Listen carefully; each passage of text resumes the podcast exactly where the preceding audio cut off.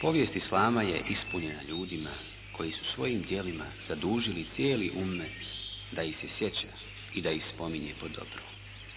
Predvodnici u tome su svakako prva četvorica halifa, nazvani El Hulefaur Rashidun ili pravedne halife.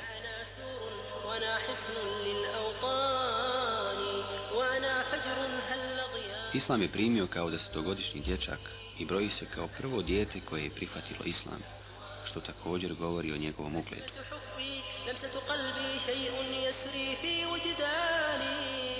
Bio je srednje visine, visokog čela, tamnoput, krupnih očiju i lijepa lica. Jednom prilikom je Resulullah s.a.v. upitao svoje amiđiće koji od vas će me štititi i družiti se sa mnom na Dunjaluku i Ahiretu. Alija reče, ja, Allahu poslanik, na ovo reče. On je moj prijatelj, i na Dunjaluku i na Ahiretu. Puno ime mu je Alija ibn Ebi Talib, ibn Abdul Mutalib, ibn Hišam, ibn Abdumenas, ibn Kusaji, ibn Kilab, ibn Kaab, ibn Lui, el Kurejši. Rođen je 23. godine prije Hidre mlađi od poslanika, salallahu alaihi wasallam, 30 godina. Majka mu je bila Fatima bin Esad bin Hisham. Nosio je nadimak Ebu Hasan po svome sinu. Bio je Amidžić i zet poslanika, salallahu alaihi wasallam. Odrastao je u njegovoj kući. Ali radijallahu anhu spada u red najistaknutijih ashaba. Islam je primio kao desetogodišnji dječak i broji se kao prvo dijete koje je prihvatilo islam, što također govori o njegovom ugledu. Od djetinstva Alija odrasta u islamu. onda ću u cvatu svoga života biva odgajan od najboljeg odgajatelja svijeta. Kao takav, Alija radijallahu anhu se okitio svim pozitivnim osobinama. Bio je nadaleko poznat po znanju. Njegovi dvoboji su svjetionici historije i ratovanja i samilosti u borbi, kao i svjedoci njegove hrabrosti. Bio je stidan, moralan i obrazovan. Isticao se izraditom fizičkom snagom i nikada nije pobjeđen u dvoboju. Bio je srednje visine, visokog čela, tamnoput, krupnih očiju i lijepa lica. Imao je gustu bradu.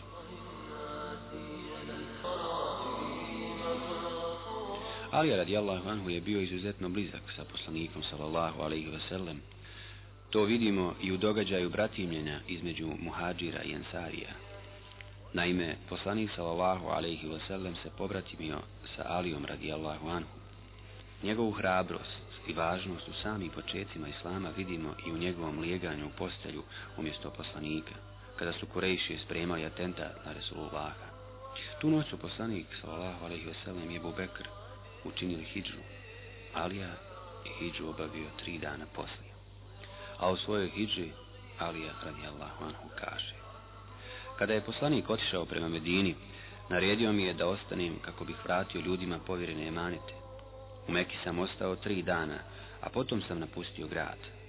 Slijedio sam poslanikove ali alaihi wasallam tragove, dok nisam došao do plemena Benu Amr ibn Auf. Zatim sam otišao do kuće Kusama bin al-Hidma, u kojoj se poslanik odmarao. Kada je čuo da je Alija došao, poslanik sallallahu alaihi wasallam je rekao, Zovnite mi Aliju, a sahabi rekoše da su mu noge otekle i da nije u stanju da hoda. Poslanik sallallahu alaihi wasallam je otišao do njega, zagrlio ga i zaplakao. Njegove stope je navlažio pljuvačkom i zamolio Allaha da ga izliči. Ali poslije toga više nikada nisu zabojale noge.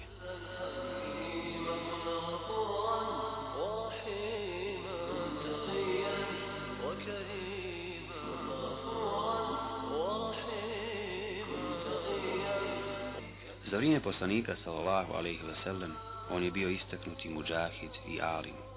U knjigama historije koje detaljno opisuju Aliju se spominje mnoštvo imena istaknutih mušlika koje je svojom sabljom ubio Alija. Samo u bici na uhodu zadobio je 16 rana na tijelu, kaže Alija. Poslao me je poslanik sallallahu alaihi wasallam u Jemen, pa sam mu pitao, Allahu poslanice, šalješ me u Jemen Pitaće me o nekoj presudi, a ja možda neću znati. Poslanik mi reče, priđi. Prišao sam mu, a on je udario rukom moja prsa i rekao, gospodaru, ojačaj njegov govor i uputimo srce. Tako mi onoga koji je dao da zrno proklija i koji je stvorio ljude, poslije toga se nikada nisam dvoumio u presudi među dvojicom. Alija je najviše volio da bude pozvan po svome nadimku Ebu Turab, koji mu je dao poslanik sallallahu alaihi wasallam je prilike kada je izašao iz kuće nešto ljut na Fatimu, te je otišao do mesčida i tamo legao. Leđa su mu se oprašila, a poslanik sallallahu alaihi wasallam otrije se prašinu sa njih i reče mu, sjedi o Ebu Turab. Ljudi su voljeli Aliju. Amr ibn Sejd ibn El-As jednom upitao Abdullaha ibn Ajjaša ibn Ebi Rebiju. Amidža, zašto ljudi hrle Aliji? Abdullah mu reče, Bratiću, kod njega možeš naći prekaljenost u nauci. Bio je uglednog roda. Među prvim je primio islam. Zati je Allahova poslanika, sallallahu alaihi wasallam. Poznavao je sunnet, bio je pravo ohrabrenje na bojnom polju i pomagao je ljudima u nevolji. Neka je Allah njime zadovoljan. Nakon mučnog ubistva Osmana 18. Zulhidžeta 35. godine po Hidžri, počinje vrijeme velikih smutnji i borbi koje je najavio poslanik sallallahu alaihi sellem. Ovi sukobi su nanijeli teške i negativne posljedice na dalji razvoj muslimanske zajednice. Stanovnici Medine, među njima i neki buntovnici, vršili su pritisak na Aliju da prihvati položaj i odgovornost halife. Među muslimanima bezvlašće i klica sukoba je šetanskim umom i monastičkom rukom posijana. Da bi ovome stao u kraj, Alija je prihvatio položaj halife, te odmah od svih zatražio da mu učini prisegu na vjernost i pomaganje u radu za islamsku državu. Zatim je održao čuvenu hudbu. Allah je objavio knjigu u kojoj je uputa i objašnjenje dobra i zla. Uzmite dobro, a klonite se zla. Farzovi koje obavljate radi Allaha odvest će vas u džennet. Allah je zabranio stvari koje nisu nepoznate i učinio je pravo muslimanima prećim od svega na Dunjaluku. Allah je iskrenošću i tauhidom povezao sve muslimane. Musliman je onaj od čijeg su jezika i ruku mirni ostali muslimani, osim kada pravda zahtjeva drugačije. Musliman se ne smije uznemiravati. Razmišljajte o zajedničkim interesima, a svakom od vas će doći smrt. Ljudi su ispred vas i smrt vas uvijek prati.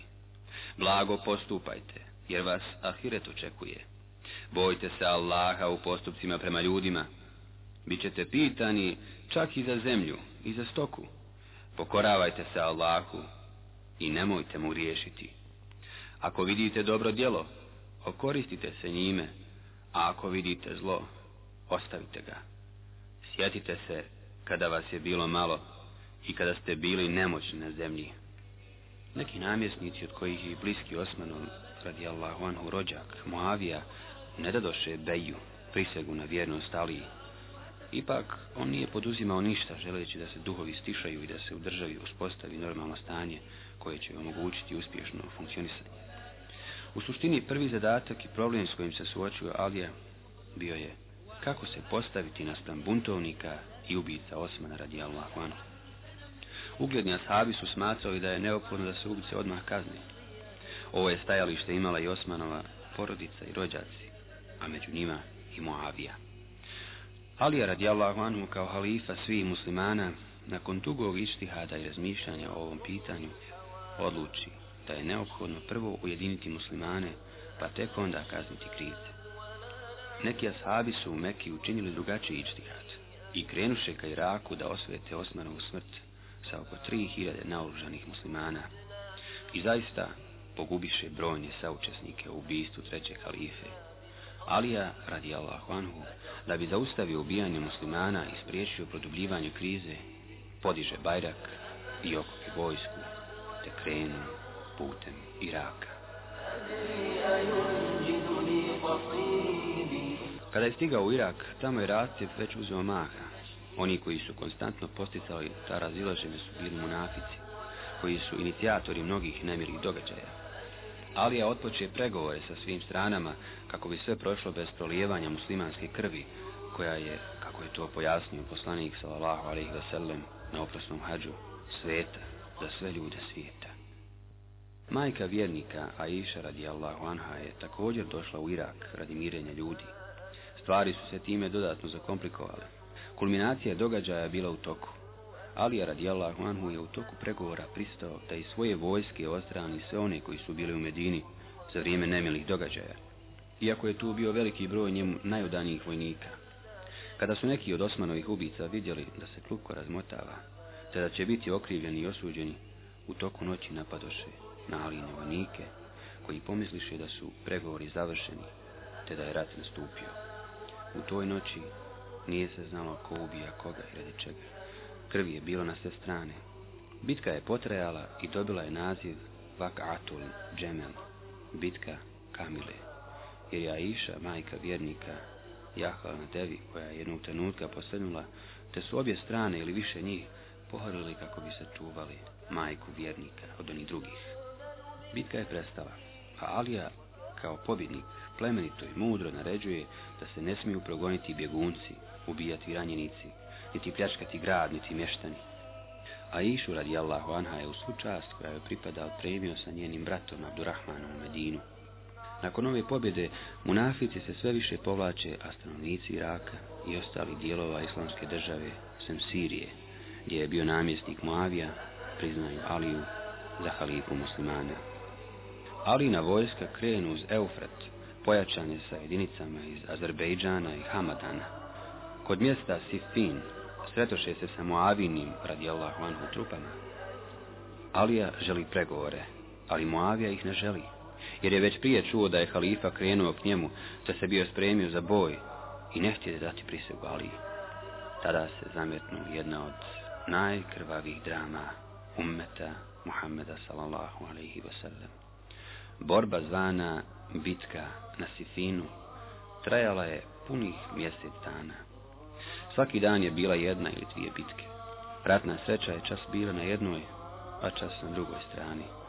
Alija, radi Allahu Anhu, opet inicira pregovore, a nakon što su se i oni otegli u nedogled, postrojio je vojsku i uputio dovu Allahu.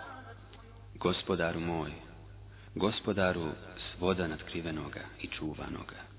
O ti koji si učinio da on bude noći i danom, o ti koji si na njemu učinio putanju sunca i mjeseca i stanište zvijezdama i nastanio si ga melekima koji se ne umaraju u ibadetu i pobožnosti.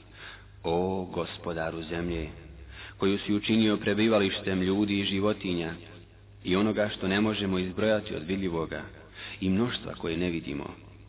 Gospodaru lađi koji morem plove s korisnim tovarom za ljude gospodaru oblaka počinjenih, koji između nebesa i zemlje plove, gospodaru dubokih i velikih mora, koja okružuju naše kopno, gospodaru brda učvršćenih, koje si stvorio da se zemlja ne potresa, a stvorenjima dao da koristi iz njih vade.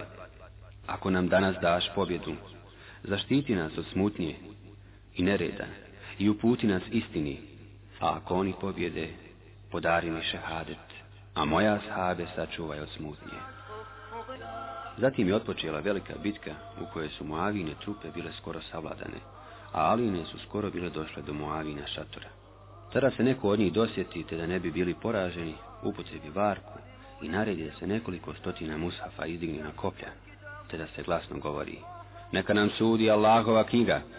Alija nasjede na tu varku i izgubi gotovu pobjedu iz ruku.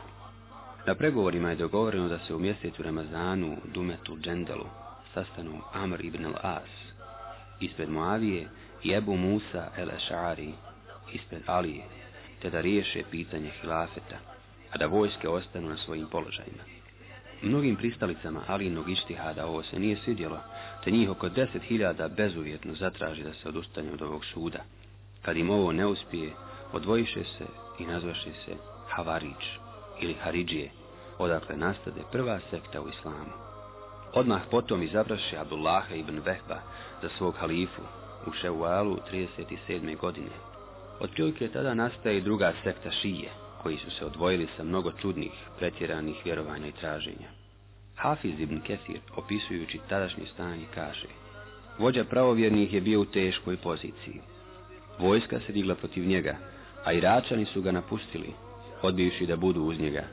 Šamljani, sirici su uzeli maha, te počeli napadati sa svih strana, tvrdeći da pravo na Hilafe pripada Moaviji. Kao dokaz zato su iznosili presud dvojice sudaca, kada se jedan odrekao Alije, dok je Amr ibn al-As potvrdio vladavinu Moavije, osporavajući pravo na hilafe drugima. Stanovnici Šama su Moaviju oslovljavali sa vođa pravovjernih, što su više stanovnici Šama jačali, to su stanovnici raka više slabili. Njihov vođa, Alija ibn Ebi najbolji na Dunjaluku u to vrijeme, najpobožniji i najskromniji, najučeniji i najbogobojazniji, uprko svemu, bijaše ostavljen i napušten, tako da je prezirao život, a volio smrt, zbog mnoštva smutnji, nereda i spletki. Ali radijallahu anhu ovo nije prihvatio, te se spremi da srgne Moaviju. On se obrati Haridžijama da mu pomognu, ali oni s obzirom da su sve učesnike pregovora između Ali i Moavije proglasili nevjernicima, oni to odbiše. S druge strane, čete vjerne Ali zahtijevale su da se prvo obračunaju sa Haridžijama, a zatim sa Moavijom. On protiv njih povede rat i skoro da ih istrijebi 8. safera 38. godine kod Nahrevana. Nakon toga sastadoše se trojica Haridžija i dogovoriše da ubiju jedan Aliju, drugi Moaviju, a treći Amr ibn al-As. Samo je prvi, Abdurrahman Muđem al-Hamiri, uspio, a druga dvojica nisu, ubijeni su pri samom pokušaju. Kada je Alija rano ujutro izašao do klanja Sabah namaz 17. Ramazana 40. godine po Hidži, biva napadnut i smrtno ranjen od udarca u glavu. Ubica bi uhvaćen. Nakon ovoga halifa pozva svoja dva sina Hasana i Huseina i reče im Savjetujem vam da se bojite Allaha. Ne činite nepravdu na Dunjaluku, pa makar vam bila učinjena. Nemojte plakati za onim što vam je uskraćeno. Govorite istinu. Budite milostivi prema siročadi i pomozite nevoljnika. Budite nasilniku protivnici, a onome kome je nasilje učinjeno, pomozite. Radite po Kur'anu, a po pitanju vjere ne bojte se ničeg prigovora. Nakon toga, neposredno prije Eđela, halifa je naredio da se zapiše njegova svijet oporuka, koja glasi Ovo je oporuka Alije, sina Ebu Talibovog. Oporučujem da nema Boga osim Allaha, a Muhammed je njegov rob i njegov poslanik. Allah je po svome poslaniku poslao uputu i vjeru istinitu, da bi je uzdigao iznad svih, makar ne bilo pravo mnogobošcima, zatim klanjanje moje, obredi moji, život moj, smrt moja, doista su posvećeni Allahu, gospodaru svjetova. On nema saučesnika, to mi je naređeno i ja sam prvi musliman. Čvrto se Allahova užeta držite i nikako se ne razjedinjujte. Čuvajte rodbinske veze da bi vam Allah olakšao polaganje računa. Tako mi Allaha Allah je uzjetime i nemojte im se izrugivati i udarati ih. Allaha mi, Allah je sa vašim komšijama i oni su oporuka vašeg poslanika, koji nije prestajao da nam ih spominje dok nismo pomislili da će komšije imati pravo na nasljeđe. Allaha mi, Allah je uz Kur'an, pa neka vas ne preteknu drugi u postupanju po Kur'anu. Allaha mi, Allah vas gleda dok ste u džamijama, u namazu i ne ostavljajte ih prazne jer ako su prazne, neće biti ni nagledane. Allaha mi, Allah pomaže u borbi na njegovom putu, kada založite živote svoje i imetke svoje. Allaha mi, Allah je uz zekat, on gasi gospodare u srđbu. Allaha mi, Allah podržava onoga ko odbrani poslanika, sallallahu alaihi wasallam, pa ne dozvolite nikako napad na njega u vašem prisustvu. Allaha mi, Allah je uz bijednika i siromaha, pa ih pozovite da im podijelite ono što je kod vas. Allaha mi, Allah je uz vaše podanike. Namaz, namaz. Ne bojte se u ime Allaha ničijeg prijekora. Govorite lijepe riječi, kao što vam je to Allah naredio. Ne ostavljajte naređivanje dobra, a odraćanje od zla, pa da vam vladari postanu najgori od vas. Zatim ćete Allaha moliti, a dove vam neće biti uslišane. Dužnost vam je da se pazite i potpomažete, da ne izbjegavate jedan drugoga, da ne prekidate međusobne odnose i da se ne razjedinjujete. Pomažite jedni druge u dobročinstvu i čestitosti, a ne sudjelujte u grijehu i neprijateljstvu. Bojte se Allaha, jer Allah strašno kažnjava. Allah vas čuvao, o poslanikovo potomstvo, i čuvao vas kao što je čuvao svoga poslanika. Molim Allaha da vas pomogne. Neka je na vas selam i milost Allahova. Nije prestajao izgovarati šehadet, sve dok mu plemenita duša nije napustila ovaj svijet.